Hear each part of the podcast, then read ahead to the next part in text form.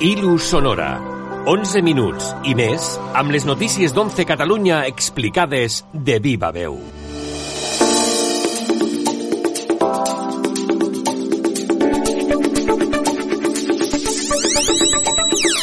Benvinguts i benvingudes una vegada més a Ilu Sonora, el podcast que us apropa les notícies més destacades de la família de l'11 Catalunya i que ja suma, amb aquesta, 8 edicions.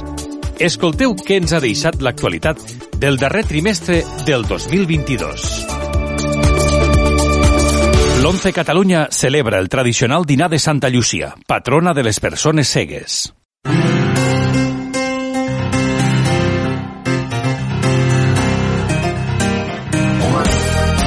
El passat dissabte 17 de desembre, l'11 Catalunya va commemorar la Diada de Santa Llúcia amb activitats als 18 centres que l'organització té a tota Catalunya.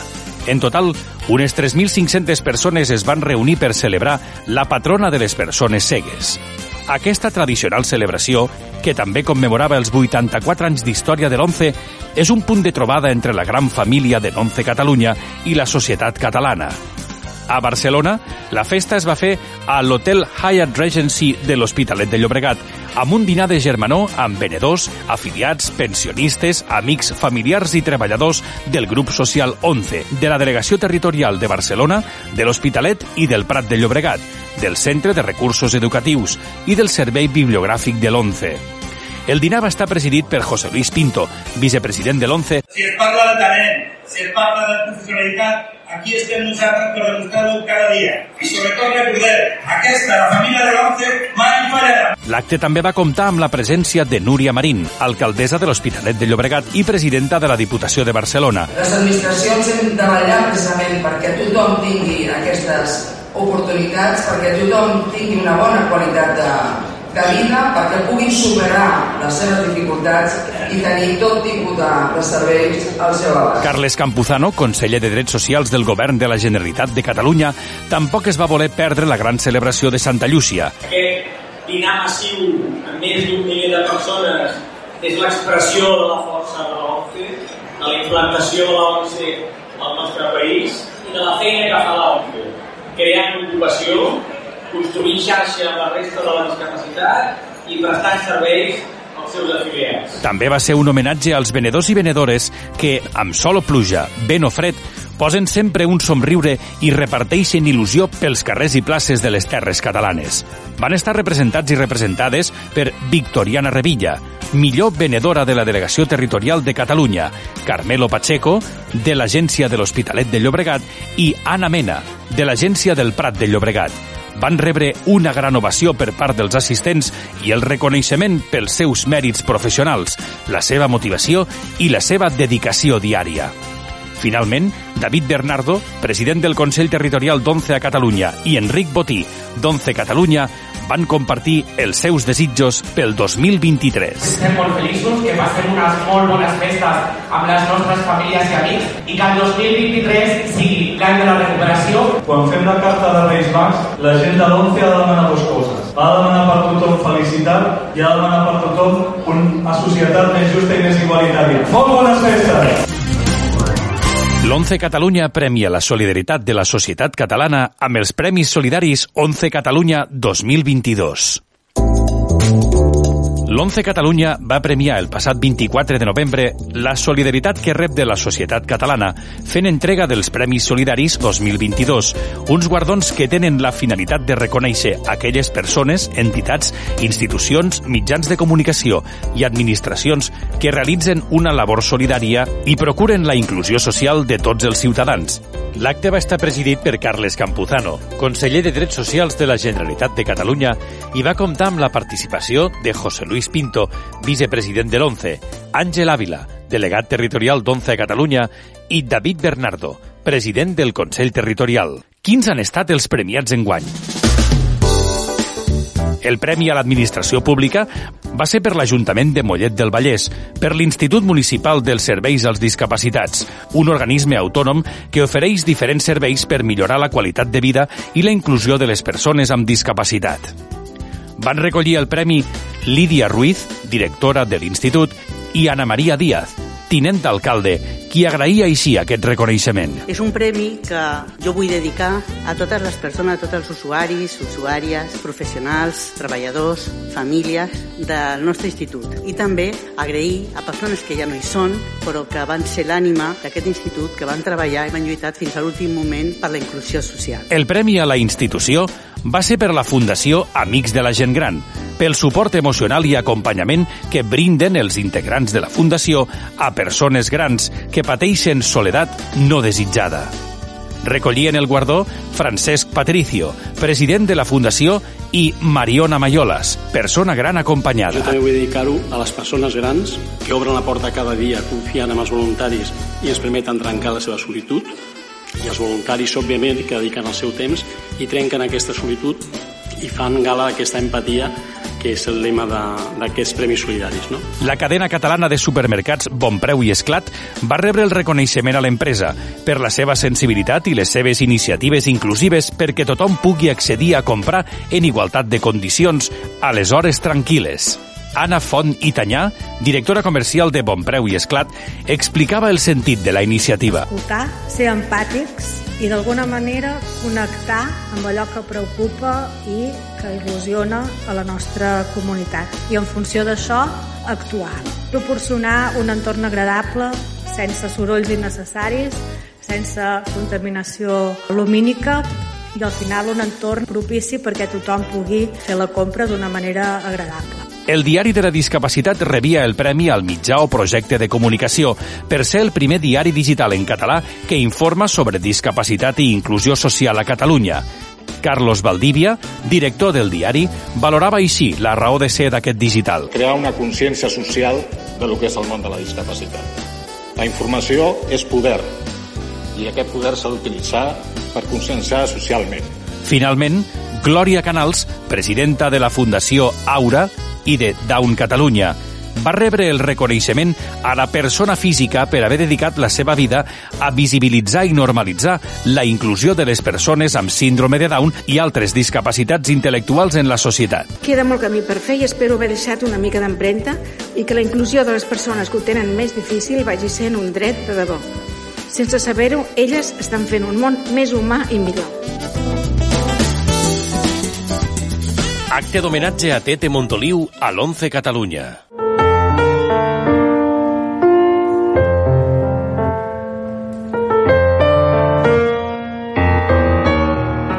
El 20 d'octubre, l'edifici 11 Catalunya va acollir un acte molt especial, un homenatge a Tete Montoliu en el 25è aniversari de la seva mort.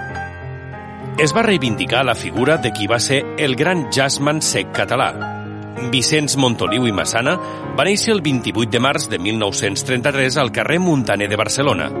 Des del mateix dia del seu naixement ja li van dir Tete. Sec des que va néixer, es va afiliar a l'11 l'any 1944. Amb 4 anys ja era un prodigi. La seva carrera va ser meteòrica. Va combinar concerts en solitari i en trio, la trajectòria de Tete està avalada per un centenar de discos i col·laboracions amb grans figures com Dizzy Gillespie, Dexter Gordon o Chick Corea. L'acte va comptar amb un concert, una xerrada col·loqui i una visita a El racó d'en Tete.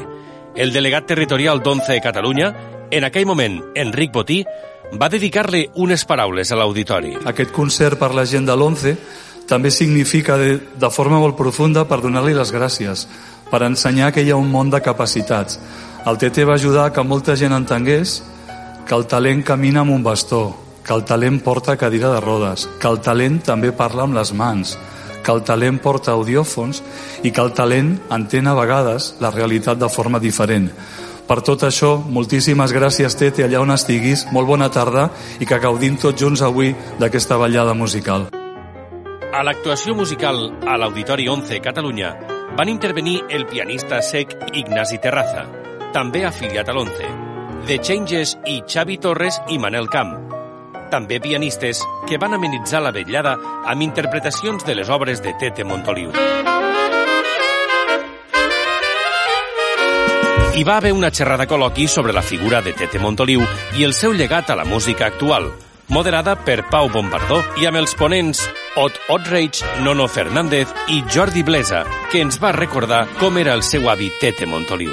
Una persona que quan va decidir que la música que havia d'interpretar i que volia que fos la seva música doncs havia de ser el jazz, res, res ni ningú no el va apartar del seu camí. Una altra cosa molt diferent, una altra cosa molt diferent és que es permetés innovar dintre del jazz.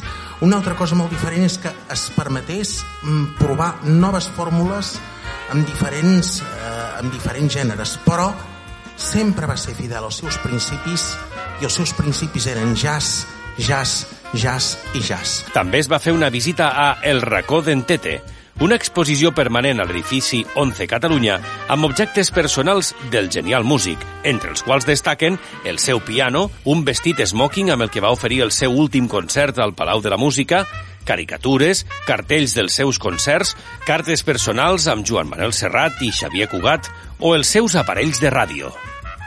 El pianista Ignasi Terraza, a part de tocar, també va parlar d'Entete. I sobretot ara, quan, amb tots aquests records que, que ens enduem, quan arribeu a casa, agafeu un d'aquests vinils que potser fa molt temps que no, que no li traieu la pols, un vinil d'en Tete, el poseu i disfruteu amb el Tete de debò, que, és el, que segueix tan viu com sempre en la seva obra.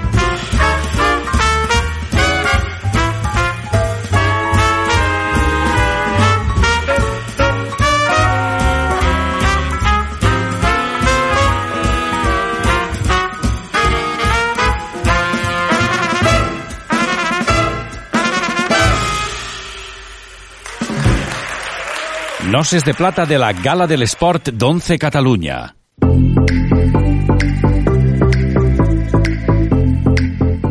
Dissabte 22 d'octubre vam celebrar la 25a Gala de l'Esport a l'Auditori 11 Catalunya.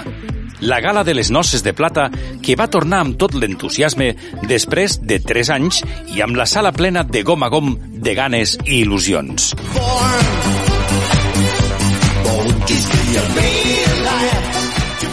Dolors Luna, presidenta de la Federació Catalana d'Esports per a Secs i Deficients Visuals, va explicar una miqueta més el significat de la gala. Posem l'accent en la dedicació i l'esforç de tots els esportistes, els guies, pilots, els porters i agraïm als entrenadors que us encoratgen. Us preparen i ajuden a treure el millor de tots i totes vosaltres. Fem un homenatge a aquells esportistes federats i la nostra federació i als, i als esportistes que esteu integrats a clubs. Els valors del transport ens ajuden a millorar, a evolucionar com a persones. Es va projectar un vídeo perfectament audiodescrit dels Jocs Paralímpics de Barcelona, d'ara fa 30 anys, uns jocs que van canviar la història del moviment paralímpic i en els quals el grup social 11 es va implicar de manera molt i molt destacada. Gairebé un centenar d'esportistes van pujar a l'escenari en tres blocs, amb el cartell emblema de cada esport de la Federació Catalana d'Esports per a Secs i Deficients Visuals de Catalunya. Atletisme, golbal, futbol, esquí, muntanya, escacs i natació, a més a més de ciclisme i triatló. En representació de tots ells, va parlar Jacint Oudadi i Idaira Casadevall, entrevistats pel Guille Fernández, director de l'agència de Figueres, periodista, afiliat, jugador de golbal i presentador de la gala. Jacint té 26 anys i és medalla d'or en els Jocs Paralímpics de Tòquio en la prova de 5.000 metres. Ho recorda així. Això queda com a, com, com a especial i crec que és, és el que més crida l'atenció i el que més, més me, el que més me, quedarà de record va ser als 5.000 metres a Tòquio. La Iraira Casadevall és una jove jugadora d'escacs de 16 anys de Figueres amb discapacitat visual. Ha guanyat ja diversos campionats, com el d'Espanya juvenil femenina. També subcampiona d'Espanya de longitud i llançament de pes. Per ella, l'esport serveix per... Aprendre dels teus contrincants o amics que també a dintre la pista o a dintre el tauler, dintre de qualsevol àmbit esportiu són els teus enemics però a la vegada els teus amics, per molt que els vulguis matxacar en aquell moment i matar-los. La gala va tenir un altre moment culminant amb la intervenció de dues persones molt especials al món de l'esport inclusiu, referència a tot el país per a l'educació de persones cegues o amb discapacitat visual. Dos entrenadors molt estimats, que també s'han jubilat recentment. Jaume Bosch portava gairebé 70 anys vinculat als equips d'escacs de l'11. Estic molt content de formar part de la 11, perquè des de que vaig entrar i, i he tingut el més carrer són amics els escaquistes que jo he portat em considero amics d'ells i ells amics meus I l'Antonio Blanco va estar ja als inicis de l'Escola Especial d'Esplugues i va participar a la creació de les escoles esportives i dels Jocs Interescolars de l'11.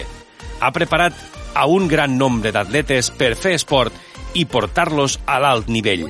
També ha fet nombrosos llibres. Sigui, jo crec que hem d'estar molt orgullosos del que ha aconseguit la ONCE, que és mm, procurar que tot es urbanitzi, que la gent estigui al seu poble, vagi a la seva escola i participi dels esports que, que, que toca fer. Per tant, no hi ha tant aquí com a escola esportiva, però tenim molta gent integrada a la societat i això és molt important. David Bernardo, president del Consell Territorial, i Àngel Ávila, que fruit del procés electoral de l'organització era el delegat territorial, van destacar tota la feina que des de l'11 Catalunya es fa per l'esport. La jornada va acabar amb un pica-pica i un karaoke molt esportiu amb sorteig de regals.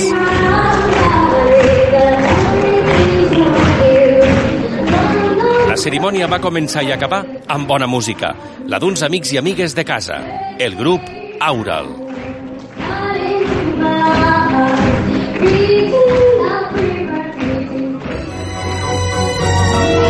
I fins aquí la vuitena entrega del podcast Ilus Sonora. Esperem que el 2023 estigui carregat de salut, bons propòsits, els millors desitjos i molta, molta il·lusió.